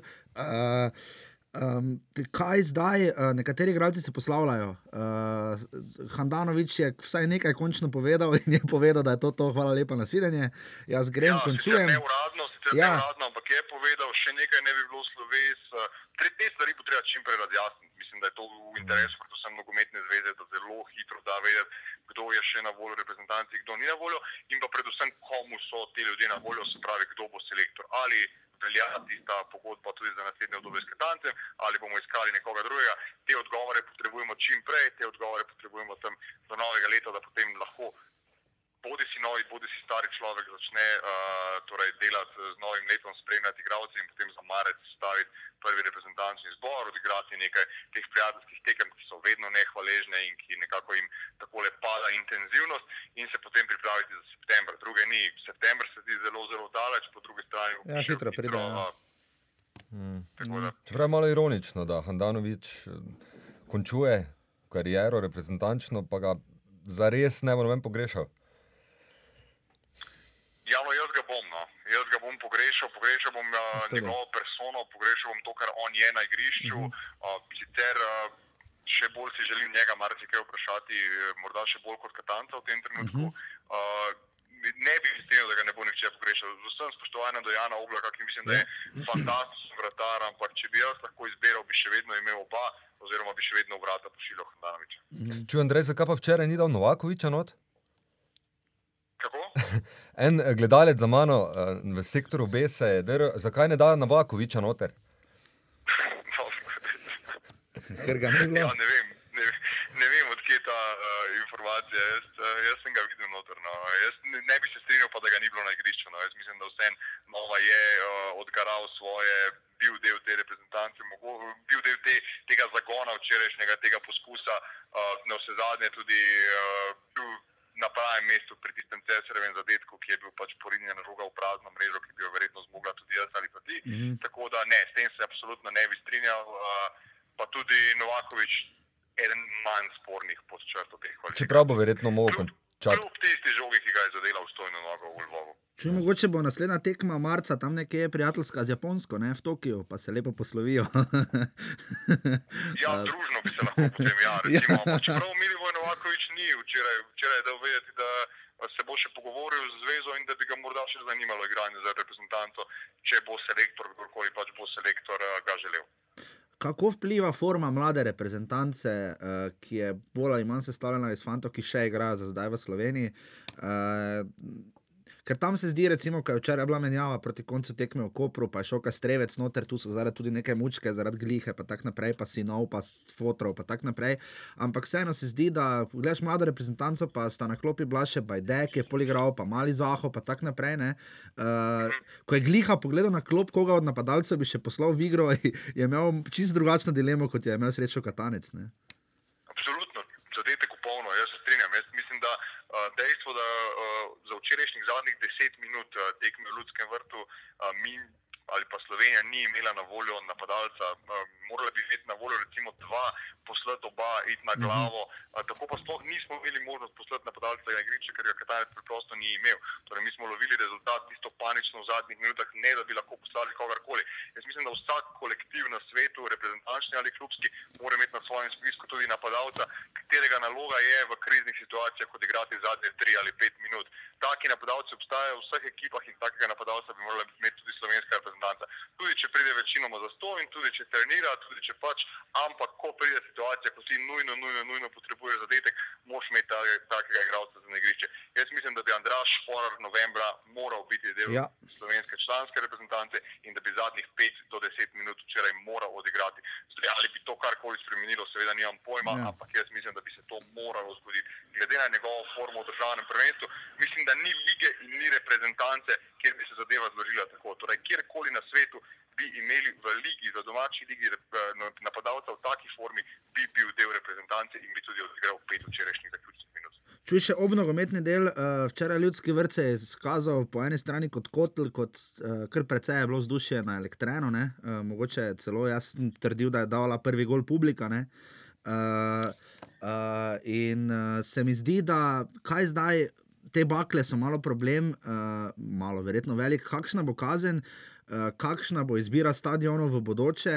Uh, in ali No, meni, meni za, ka- za, kazen, za kazen je meni popolnoma vseeno, to se mi zdi najbolj nepomembna stvar. Dejstvo, da pa se je našel nekdo ali nekaj njih, ki so vem, v 1-82 minuti prekinili zaključni nalet Ja. slovenske reprezentance s tako neumnostjo. Mislim, jaz ne morem razumeti. Jaz sploh ne vem, kaj bi rekel o teh ljudeh in tudi mogoče je bolje, da se zadržim. Jaz sem pač tako daleč od njihovega sveta in tako daleč od možnosti, da bi razumel njihov način razmišljanja, če temu sploh lahko rečem tako, da je res brez vede, da karkoli rečem na to temo. Jaz enostavno ne morem verjeti, da se je to zgodilo. Uh, sploh je pa toliko bolj žalostno, ker se je zgodilo res v eni fantastični kulisi. Imaš popolnoma prav, ljudski vrt se je ponovno izkazal, uh, nagradil sicer na začetku Katanca z žvižgi, to je čisto legitimno, na to pa potem res stopil za fante, uh, jih potegnil noter. Uh, točno to so potrebovali pri tej svoji srčnosti, pri tej svoji, svoji odločitvi, da bodo odigrali na tak način, so potrebovali take gledalce in dobili so jih res v zelo, zelo veliki meri, razen tistega zelo temnega madeža, ki se pravi, enostavno uh, ni v moji galaksiji in ne morem ga niti razumeti, kaj še. No, saj jaz ga tudi ne mu jasno gibal, da je šel mogoče proti NZS-ju, oziroma da bo se zdaj to začelo ponavljati. Ne, ne vem. Definitivno je šlo za Ne nek. bom, ne bom sploh razpravljal v tej smeri, ker zaradi mene je lahko šlo proti komorkoli. Ja, Ja, ja. Jaz takih akcij, torej eh, preziram jih, eh, ne vem, sploh mi je žal, da se moram z njimi ukvarjati. Ja, ja, ja. Ne vem, kaj bi rekel res. Uh, ok, gledaj, uh, Andrej, uh, zdaj bo NZS, uh, NZS, uh, reprezentanca nekaj časa na stranskem tiru, vsaj malo. Uh, sledi še mogoče uh, zadnja istočnica ne? za vikend v soboto, uh, če ne bo varnostnih razlogov, kakšnih in drugačnih, uh, sledi derbi. ne, Um, bo zdaj po eni strani, danes, ker je včeraj bila gledanost, pa vsi smo gledali, pa bili na tekmi, pa tako naprej. Uh, Kako kak bo zdaj ta, ta nekako uh, uspela ta naveza zdaj iz reprezentančnega neuspeha v to zgodbo lige, ki ponuja enega najbolj gledanih derbijev, po vsej verjetnosti? Ne? Jaz mislim, da bo uspela. Jaz mislim, da predvsem to rivalstvo vendarle je tako močno, edino slovensko športno, ali eno od dveh res pravih rivalstv, takih Mhm. primerljivih z uh, resnimi športnimi državami. Jaz mislim, da, da to rivalstvo res, da, da že v bistvu so ljudje. Prej bi, rekel, prej bi rekel, da so mnogi nekako postavili za trenutek ali pa za kakšne dva dni na stran uh, čustva pred derbijem, pa si pogledali reprezentanco in jo podprli in se bodo zdaj enostavno preprosto vrnili v tračnice, v katerih že so kak teden, kot da bi veljalo obratno in da bi bili pač bili v reprezentančnih tračnicah in bi zdaj morali iskati uh, te za derbi. Jaz mislim, da je vse utečeno, da obe mesti odštevata že nekaj časa, da obojni navijači pričakujejo, da pričakujejo tudi velik del recimo in neutralne uh, slovenske klubske javnosti. Super, imamo super prvenstvo, pripravlja se super derbi in jaz mislim, da bo to en. Uh, Demo s klišejem en lep praznik slovenskega klubskega nogometa, ki lahko a, prinese ogromno eni drugi ekipi, predvsem pa ogromno lahko prinese vsem nam, ki imamo karkoli od tega futbola tukaj. Pa lahko derbi kakorkoli retroaktivno, če bo recimo strašanska kvaliteta, pustimo zdaj ugibanja, pa hipo, hipotetično, ampak v kolikšni meri lahko kvaliteta in vem, nadsposobnost in kako, karkoli se bo že v soboto zgodilo, lahko retroaktivno kako vpliva na sreča Katanca, na njegove izbore, na ne na zadnje tudi, on je že parkrat povedal, da v slovenski ligi igrajo tujci, bla bla bla, Pač... Ja, mogoče, seveda lahko vpliva, zakaj pa ne? Mislim, predvsem lahko vpliva na nas. Če bomo videli kaj res takega, absolutno mislim, da je naša dolžnost to povedati in na to upozoriti. In zakaj ne? Lahko tudi za nazaj, lahko tudi hipotetično, lahko kakorkoli. Pa vse to je naše delo, zato jaz mislim, da morajo biti stvari take in da morajo biti uh, zabavne na nek način. Tako da, ja, absolutno, jaz celo na nek način si želim profesionalno, da bi se res ta tekma pokazala kot dobra, da bi, vem, na remiju 4 proti 4 šporar dosegel dva zadetka in da bi pač poslal še eno jasno sporočilo, ki bi nekako še uh, povečalo te razprave, jih eh, še dodatno ukrepilo. Zakaj pa ne? To je, mislim, da je ena super zadeva, kajti sploh, kot sem rekel, ustrajam, da bi neka rešitev iz Slovenske lige, recimo Jandraš Šporar, morala obstajati ta november in da je tu Srečko Katanec naredil napako, podobno kot jo je na vse zadnje naredil z Bizakom, pa ga je rešila, eh, naj se zdi že tako brutalno eh, poškodba Roberta Veriča. Dva Šporar, pa dva Filipovič. Čuj, um, Aj, naj bo. koliko pa prestolnica diha z eh, Olimpijo in um, koliko verjame, koliko pomeni uh, naslov prvaka. Ker obisk sicer na nekaterih tekmah je dober, ampak poprečno bi pa vseeno še pričakoval malo višjega. Ljubljana, Ljubljana, Ljubljana ni Maribor, Ljubljana nikoli mislim, da ne bo Maribor. Mhm. Ljubljana, Ljubljana je preveč razdrobljena, uh, Ljubljana je preveč, uh, recimo, slovensko multikulturna, torej vse mogoče se meša tukaj v večji, v večji meri kot uh, v Mariboru, torej ljudje iz vseh koncev Slovenije in tako naprej. Pa tudi sami Ljubljančani niso tako zagrizeni ni, ne, ne identificirajo se z nogometom in z Mariborom, mislim, in z Olimpijo, tudi s klubom, z nogometom in s klubom do te mere kot v Mariboru. Torej, Maribor je uh, zelo blizu, da bi bil nek Bilbao uh, slovenski, medtem ko je ja. Olimpija od tega, oziroma Ljubljana, kar precej oddaljena, tako da nikoli ne bo Ljubljana Maribor v tem pogledu.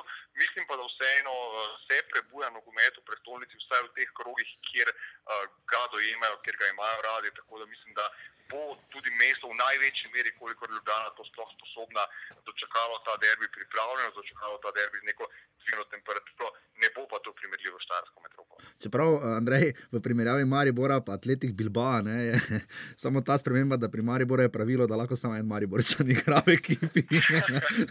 ja, dobro, nisem govoril o ekipi, vem, po vzdušju, torej vem, vem. vem. O, o identifikaciji s klubom pa prav gotovo ne. Mislim, mm. mislim pa, da je tu Maribor zelo blizu, torej, da je, da je tam je ime, ime enka Maribor, vam je enka Maribor, kakorkoli, precej več, precej več kot klub, tam je to dejansko identifikacija človeka, njegovega življenja, družbenega ustroja, upetosti in tako naprej. V Ljubljani, uh, vsaj tako množično ali pa statistično in eh, procentualno tako množično, uh, temu ni tako. Je pa res, da radi nažgejo Maribor, sicer dosti krat ga niso v zadnjih letih, ampak ta feeling pa imam, da v Ljubljani, da ko pa enkrat Olimpija krene nad Maribor, ne, ko je šansa za zmago, ne, takrat pa se Ljubljančani zelo, zelo, zelo vključijo v tekmo. No. Ja, ja, to pa je, to pa je, to pa je značilno za taka drugačna okolja, torej za, za okolja, kjer ni nekako brezpogojne, čiste tiste ljubezni za vse večne čase, kadarkoli, kakorkoli in kjerkoli. Ja, to se prebudi v specifičnih okoliščinah, medtem ko v Mariboru se pravi, je prisotno nekako vedno v dobrem in v slabem na tak ali drugačen način. Ok, Andrej, hvala ti zelo, zelo za tvoje uh, lucidne in iskrene in direktne in uh, zelo dobro argumentirane misli. Uh, se ti res renejem, oba zahvaljujeva. In bati Hvala našim, našim tehnikom. Uh, Tako da, Andrej, glej, uh, bomo videli, kaj bo v soboto. Uh, mi se pa slišimo, po moje, uh, tam nekje uh, septembra, novembra 2017. Od dobro, krasno se veselim in hvala lepa, mi je bilo včasih in uh, srečno naprej. Hvala, Hvala, Andrej. Čau, Andrej. čau. Uh, ja, tako to je bil uh, Andrej Milkovič, ki ste ga nekateri uh, kar nestrpno pričakovali, ko smo ga napovedali, da bo v tem desetem offsajdu. Uh, za 11. offside smo se na 11. 11. torej na Martinu, uh, sem si jaz, do... pazi mikrofon, sem, sem, smo se dogovarjali, po vsej verjetnosti bo naslednji gost po derbiju, uh, naslednji ponedeljek, uh, uh, Tjaš Šalca, uh, uradni speaker uh, v Ljudskem vrtu um, ki je res za, bo zanimiv sogovornik, uh, sploh ker pač nam sledi derbi uh, ta konec tedna. Uh, mislim, da bo prišel v studio, uh, glede na to, da je zelo blizu. ne. Um, ja, uh, to je bil torej Andrej Milkovič, res lucidno, res uh, zanimivo je povedal. Imam samo eno vprašanje, Rene, ne? Ja. Uh, glede, ja, glede tega, ne, da pač na, kak, za NZS. Ne? Ja, ja to, to mi je bilo malo žal, da nismo zdaj načeli. Um, na kak način pa v bistvu protestirati? ne. Uh, ker dobro, strinjam se, glej, uh, katastrofa in um, sploh ne moreš razumeti, uh, če nekdo pri šanci, ravno Ja. ja. Iličič izvaja, žoga je bila v zraku in po tisti šanci je celo, uh, mislim, po tistem kotu je celo bila šansa. Mhm. Se spomniš, Pjatov je komaj brano. Ja, Cesar, tam je in- letelo, In, ja. če bi šlo v gol, tisto bi zelo, zelo verjetno sodnik razveljavil. je Ne, bila- gola ne bi razveljal. Jaz pa mislim, da ker je bila bakla. Ne je more, ne more, še- za, ne moreš v- v nogometu težko retroaktivno Ja, ampak za nazaj. še v času, ko bi žoga prečkala, Ja, žoga je črto, bakla že je letela. bakla že letela ali pa bila spodaj. Ja. Ja. Tako da, glej, Dobro, Dobro, zdaj nima veze. Pač, um, sprašujem se, um, ker to definitivno je bil nek znak protesta, ni bila samo Ne, protest je bil, neumnost, pijanost ali karkoli. Lahko tudi ne vemo, kot je rekel, to se strinjam z Andrejem, tudi jaz ne bi rad ugibal, kaj so vzgibi. Ampak Ne, ja, ampak če glej, je glej, protest, glej, Jaša, čakaj, bilo je, bilo je usklajeno. Eh, Z petih mest je naenkrat preletelo. Tako da jasno je, da je Ne, je nek usklajeno, statement bil. Eh, In pač sprašujem se, na kak način pa potem. Jaz mislim, da je to šlo na NZS, ozadja sploh ne poznam, nisem se z nobenim pogovarjal, tam na nič ne insinuiram. Ampak raz, mislim si, da gre, da gre proti Čeferinu ali proti celi organizaciji ali proti Katancu. In res je, tako tak, kot- tako kot NZS deluje, precej hermetično. Se sprašujem, na kak način pa lahko izraziš uh, upor. Ja, in in zagotovo. valjda, valjda na način, da najbolj prizadene, da najbolj zaboli in da je najbolj opazno. Dobro, ta način je anarhistični, to ne, ne koristi nikomor. Ne. Uh, Mislim, ne, neko legitimnost temu dejanju Dobro, dati, eh, raz, razmišljam. No. Hrvati imajo svoj princip, pa niso zaradi tega Ampak nastradali. na kak način, povej mi euro. potem, na kak način pa predlagaš, da, da bi Lahko grem po eliminacijski metodi, uh, po pritisku, da so mediji odraz javnosti, uh, je poskus bil, pa se, kot je rekel Milkovič, uh, kot je Andrej lepo porazložil, da, da težko gre, uh, težko prideš NZS-ju do živega, zato ker ta odnos, ki ga oni gojijo, ki ga imajo, mislim, če Ferin, mislim, da smo na pravi poti, kot sem rekel že na začetku, da je, ne, nismo na dobri poti, žal nismo. Tonemo po lesici FIFA, nismo se uvrstili na razširjeno Evropsko prvenstvo, uh, probleme imamo z Litvo in Estonijo. Ampak na- nagovoriš lahko ali A preko medijev, B greš na stadion, žvižgaš in delaš to, ko so bili žvižgi proti Estoniji, ko je reprezentanca slabo igrala, je Katanec skoraj znorel, ne? da kaj se pa grejo navijači, da, da se tako ne navijo, da se reprezentanca podpre. Uh, potem so tu kauč selektori, karkoli, v bistvu karkoli javnost, javnost pač, sam si rekel, NZS je hermetično zaprta organizacija, ne bom rekel, da je kot McDonald's ali Coca-Cola, ampak je pač ne vem, kot Apple, dela produkt, ki je ali pa kot te sodobne firme, ali pa Amazon, ali pa tako dela ali storitve zelo dobre, eh, dela produkt, Ja. ampak kak ga pa dela, pa nimamo Dela- mi pravo glasanja, ne? ne moremo mi reči nič. Ne? In tu jaz vidim. Uh, mogoče ta uh, res problem, uh, ki si ga pač rekel, kako nezadovoljstvo izraziti. Mogoče, mogoče bo derbi dal tu kakšen odgovor, ne? mogoče je kakšna usklajena akcija, ne vem, ne usklajena, zmenjena, kakorkoli, ampak dejstvo je, da ne Green Dragons in ne Viole uh, pač na tekme reprezentance organizirano, zdaj posamezniki verjetno sigurno grejo, ampak organizirano pač teh napisov že dolgo ni. Ne? S tem se Aleksandr Čeferin ne obada. Njemu, njemu to, da mi nimamo več združenih navijačev, kot smo jih imeli nekoč, ne? kar se je tudi svižilo, ampak ok, njega to ne zanima, to je problem. On, če bo, on, če bo gledal stran od uh, tega, kdo je za golom, ali v Stožicah ali v Ljudskem vrtu, on se mora s problemom eh, spopasti head on, ampak uh, kritike, ta oddaja, uh, kot selektori, pač kritike ustvarijo pritisk, ampak vidimo pa, da se NZS s pritiskom ne zna nositi. Ja, na televiziji ga je pokazalo, potem, ko so bakle letele in je pač odkimaval v stilu. na, Kdo, Čeferin? Ja, vandali, v tem smislu. No. Ja, gledaj, pač, no. Ja. Ne vem, pač uh, njihova javna podoba, NZS res funkcionira. Greš na tekmo reprezentance ali pa če greš na tekmo uh, kakega kluba v Sloveniji, je, je res precej drugačna izkušnja. No. Govorim eh, lahko kot obiskovalec in kot novinar.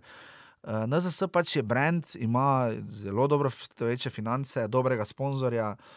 Uh, je urejena institucija, ampak to ne pomeni zdaj, da, da pa ne moremo, da, da pa, ne, eh, to je reprezentanca Slovenije. Ne, uh, Oni so ne na zadnje društvo, ne?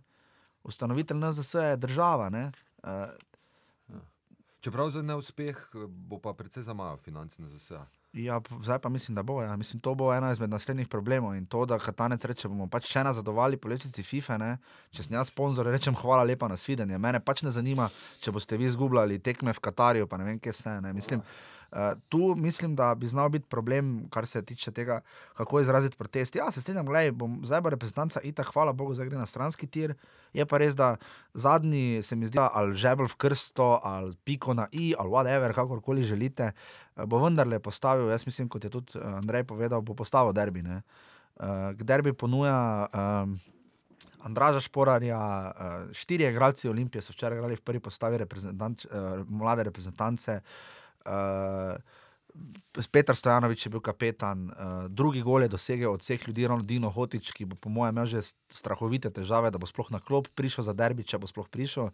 Kaj izmed, eden izmed problemov, ki ga bo moral nasloviti tudi Zlatko Zahovič. Uh, reprezentančna akcija je pač dala nek, uh, neke indice, uh, kaj bi pač lahko bilo, uh, pa kak. Uh, kar se reprezentance tiče. Ne, in, Ne bomo videli. No, bomo videli uh, kot rečeno, gled, kar se reprezentance tiče, jaz bi jo zdaj res dal na stran. Uh, mogoče bomo samo še v ponedeljek za šalcem, mogoče kaj spregovorili, ko bo tu, ali pa pač bomo malo nazaj pogledali iz prizme derbija. Ne. Prizme res tega velikega uspeha v Kopru. Jaz sem tekmo gledal, fajn, zelo fajn, da tudi sport klub te tekme mlade reprezentance prenaša. To je nekaj, kar bi absolutno morala delati televizija Slovenija. Tu, gled, kar se televizije Slovenija tiče. Moje iskreno mnenje je, da tako kot so oni nepripravljeni na Evropsko prvenstvo 2016, to glavo boli. Oni, oni imajo še večje težave z starostjo in uh, dve generaciji različnih valovnih dolžin kot slovenska nogometna reprezentanca, ampak ja. da ne bom zdaj preveč zašel, ampak pač hvala sportklubu, da te tekme mlade reprezentance prenaša, ker včeraj smo lahko videli na delu, uh, Leo je jub, fenomenalno, uh, Gregor uh, Sorčan, Sorčan, tako je on branil, jaz sem včeraj tako na Twitterju napisal, poleg Nejca Vidmarja, absolutno trenutno uh, najboljši golman v slovenski ligi iz prizme sveda te tekme. Um, Res, ko gledaš fante, ki jih gledamo, ki jih mi dva omenjava, tudi v oddaji Prve lige Telekom Slovenija, kako se trudijo, poznamo jih, vemo, kaj so sposobni, uh, je ta tekma mlade reprezentance res neka napovedna. Um, Obetavne prihodnosti. ja, mislim, gledaj, Srbi so koliko šest ali sedem igralcev iz srbske reprezentance je Brazilijo premagalo v finalu svetovnega mladinskega prvenstva. ne. Teda to res ni bil kar tak neki easy peasy, ne, neka taka hojla dri, hojla dra akcija, ker Srbi so res močno trda tekma bila v Kopru. No, pa dober obisk je bil to. Uh, kar je zanimivo, ni enako zastojn v Kopru, ker uh, brezplačne so stopnice, kot je zanič Simon Maljevac povedal, ne, so in za, ob, za občane Kopra, za tekme Kopra, in pa za tekmo slovenske reprezentance mlade, in je bil obisk res dober v, uh, v Kopru.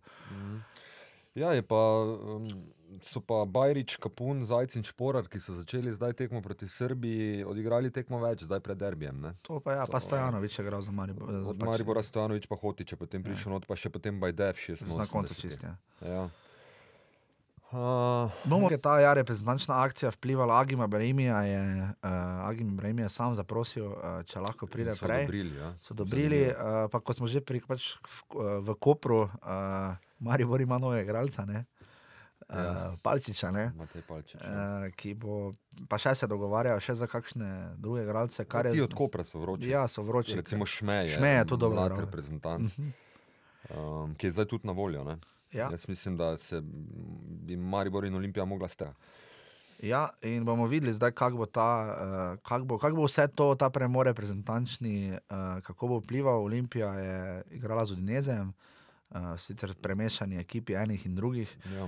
Uh, veliko pripravljalnih tekem, Maribor jih je imel še, mislim, najmanj, mislim, da so z Dobrovcami igrali. Mhm. Uh, Tako da bomo videli, no, derbi je kot rečeno na vrsti uh, v soboto ob 20.15. Uh, kupite karto, če še niste, ker mislim, da bo stadion razprodan. Um, veliko mariborskih navijačev gre v Ljubljano, to bo res, upajmo, da bo nogometni praznik. No. Karte za Mariborski del stadiona so že pošle. Ja, tako da mislim, da še folk kupuje, zdaj druge pač se proba znajti. ne. Uh, ostale tekme 18. kroga, zdaj malo je premešano, samo štiri tekme so, ker je pač derbi bil vrinjen. Uh, zelo zanimiva tekma bo že v soboto ob 4. Um, in sicer Koper Zavrč. ne. Uh, to bo, to bo, To je derbi. to je derbi, ja, to bo res, da vidimo, kdo. Tisti, ki bo tu izgubil, uh, bo trda. uh, uh, sploh, če bo to, če bo to pri Zavrču, ne, ker tam.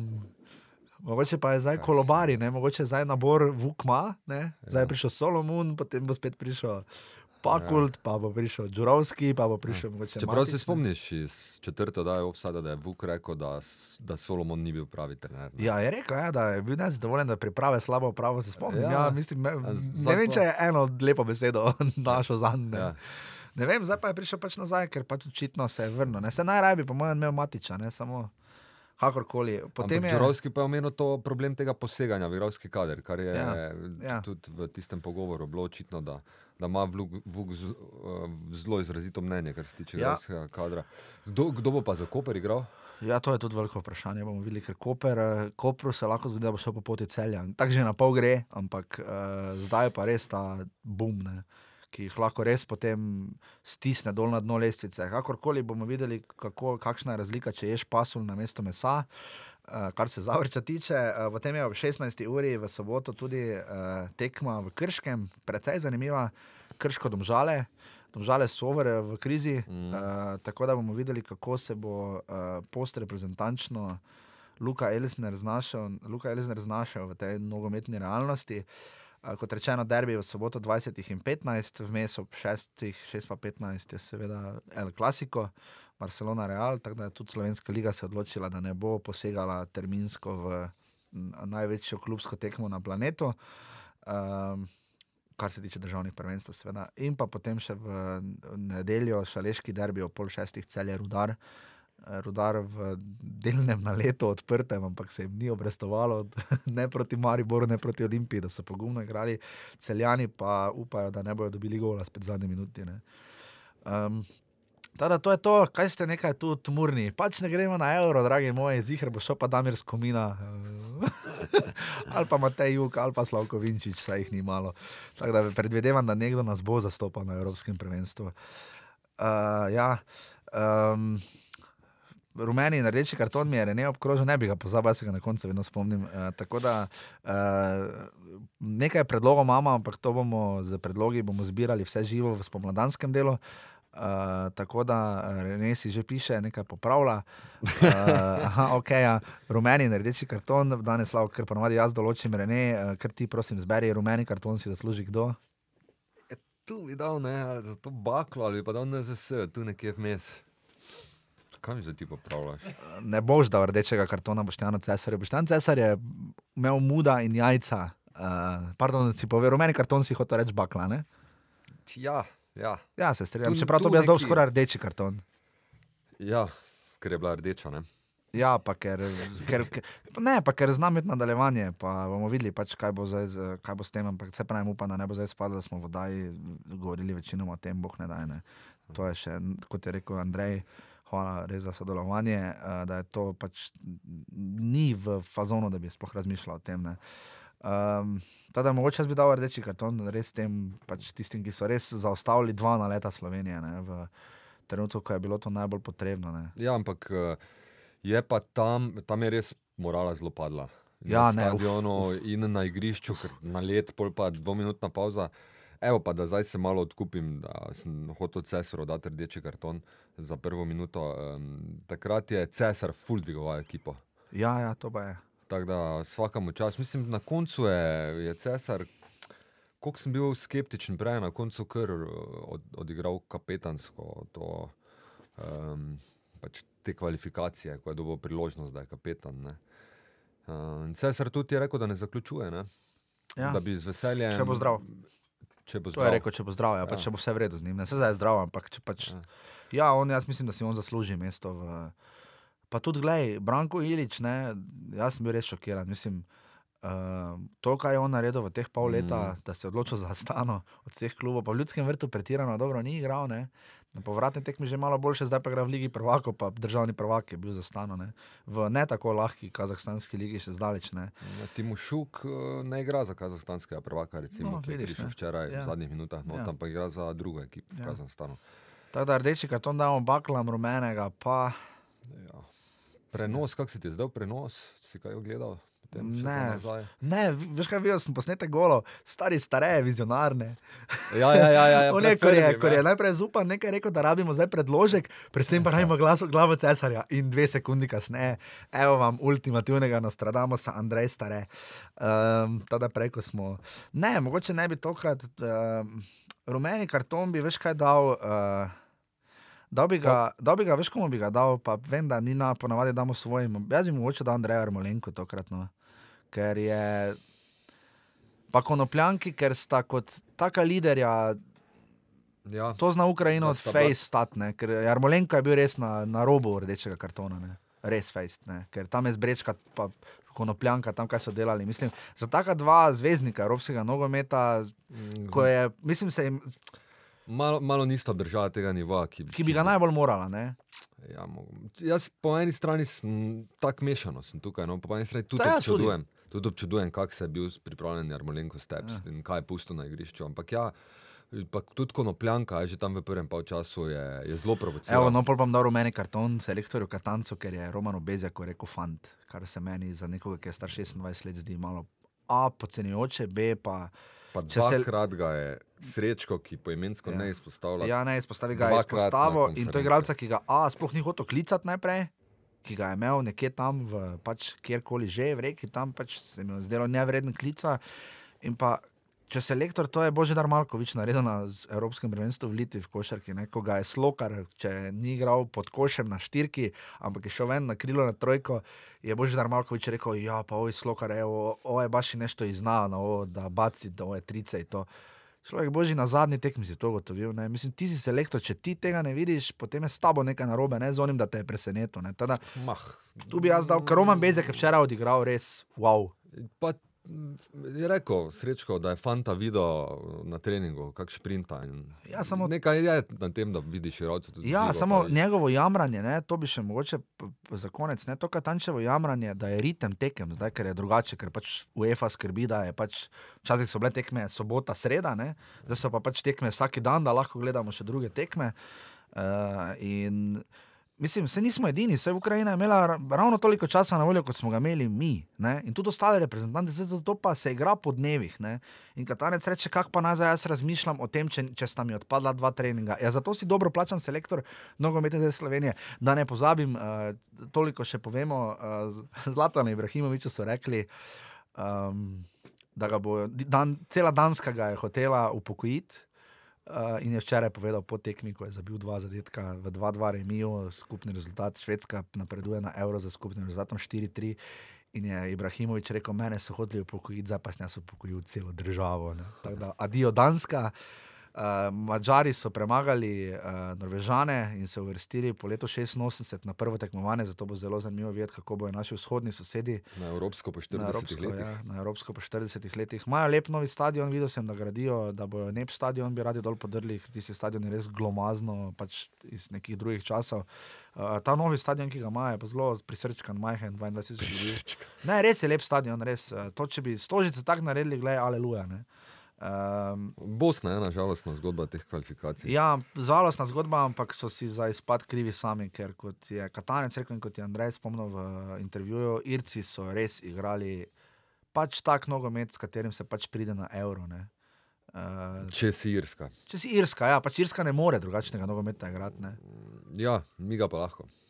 Mi ga lahko, samo tako je rekel Andrej, sam pa si rekel, da je izključujoče. Ne? Vzeti tehniko tekme proti Švici v gosteh, pa vzeti borbenost tekme No proti go. Ukrajini je samo izključujoče. ne.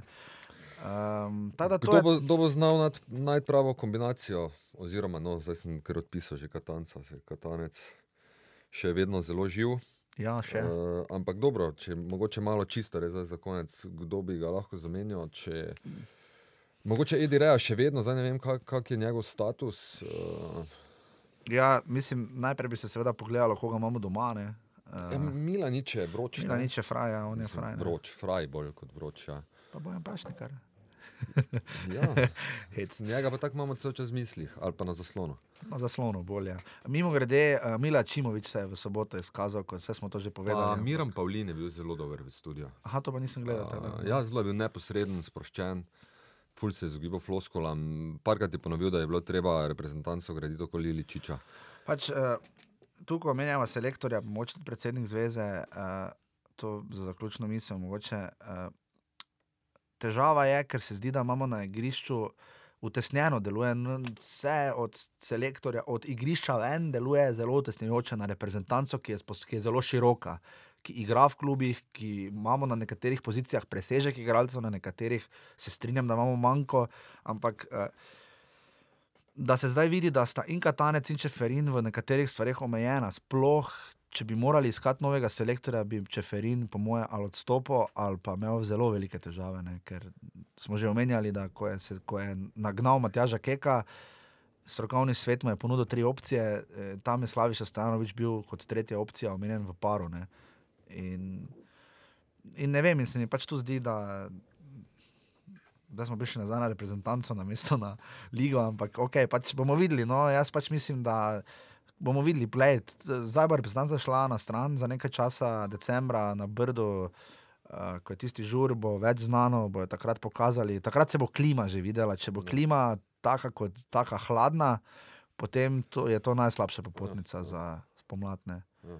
Ampak, glej, za včeraj, bravo, reprezentanca. Bravo, fanti. Bravo, Miha Penko, bravo, ja. Srečko, bravo, tudi mi dva, ja. če smo vsaj 0,00001 Ja, prispevala k temu. k temu, ja. Eh, Bravo, deseti offside.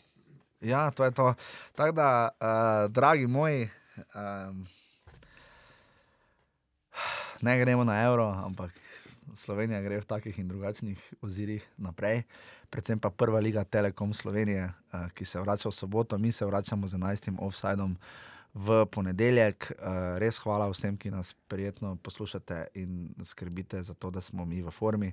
Uh, tako da, če se v življenju znajdete v offsajdu, dame in gospodje. Ne pozabite, so še pomembnejše stvari od samega offsajda, ampak pisano z malo, ker najpomembnejša stvar v našem življenju je offside, pisano z veliko. Tako da, Vsi na derbi. vsi na derbi, ajde, boki, zdaj se vsi na derbi. Jaz znam, jaz znam. Tan, tan, ne, ne, ne, trana, trana, Jer trana, ja, jer ja, ja već sumnjam da zbog nogometa samo ti svake nedelje popodne ideš tamo kad je zima il maj. Daj, daj, al ako lažeš ja ću ostavit te znaj, al ako lažeš ja ću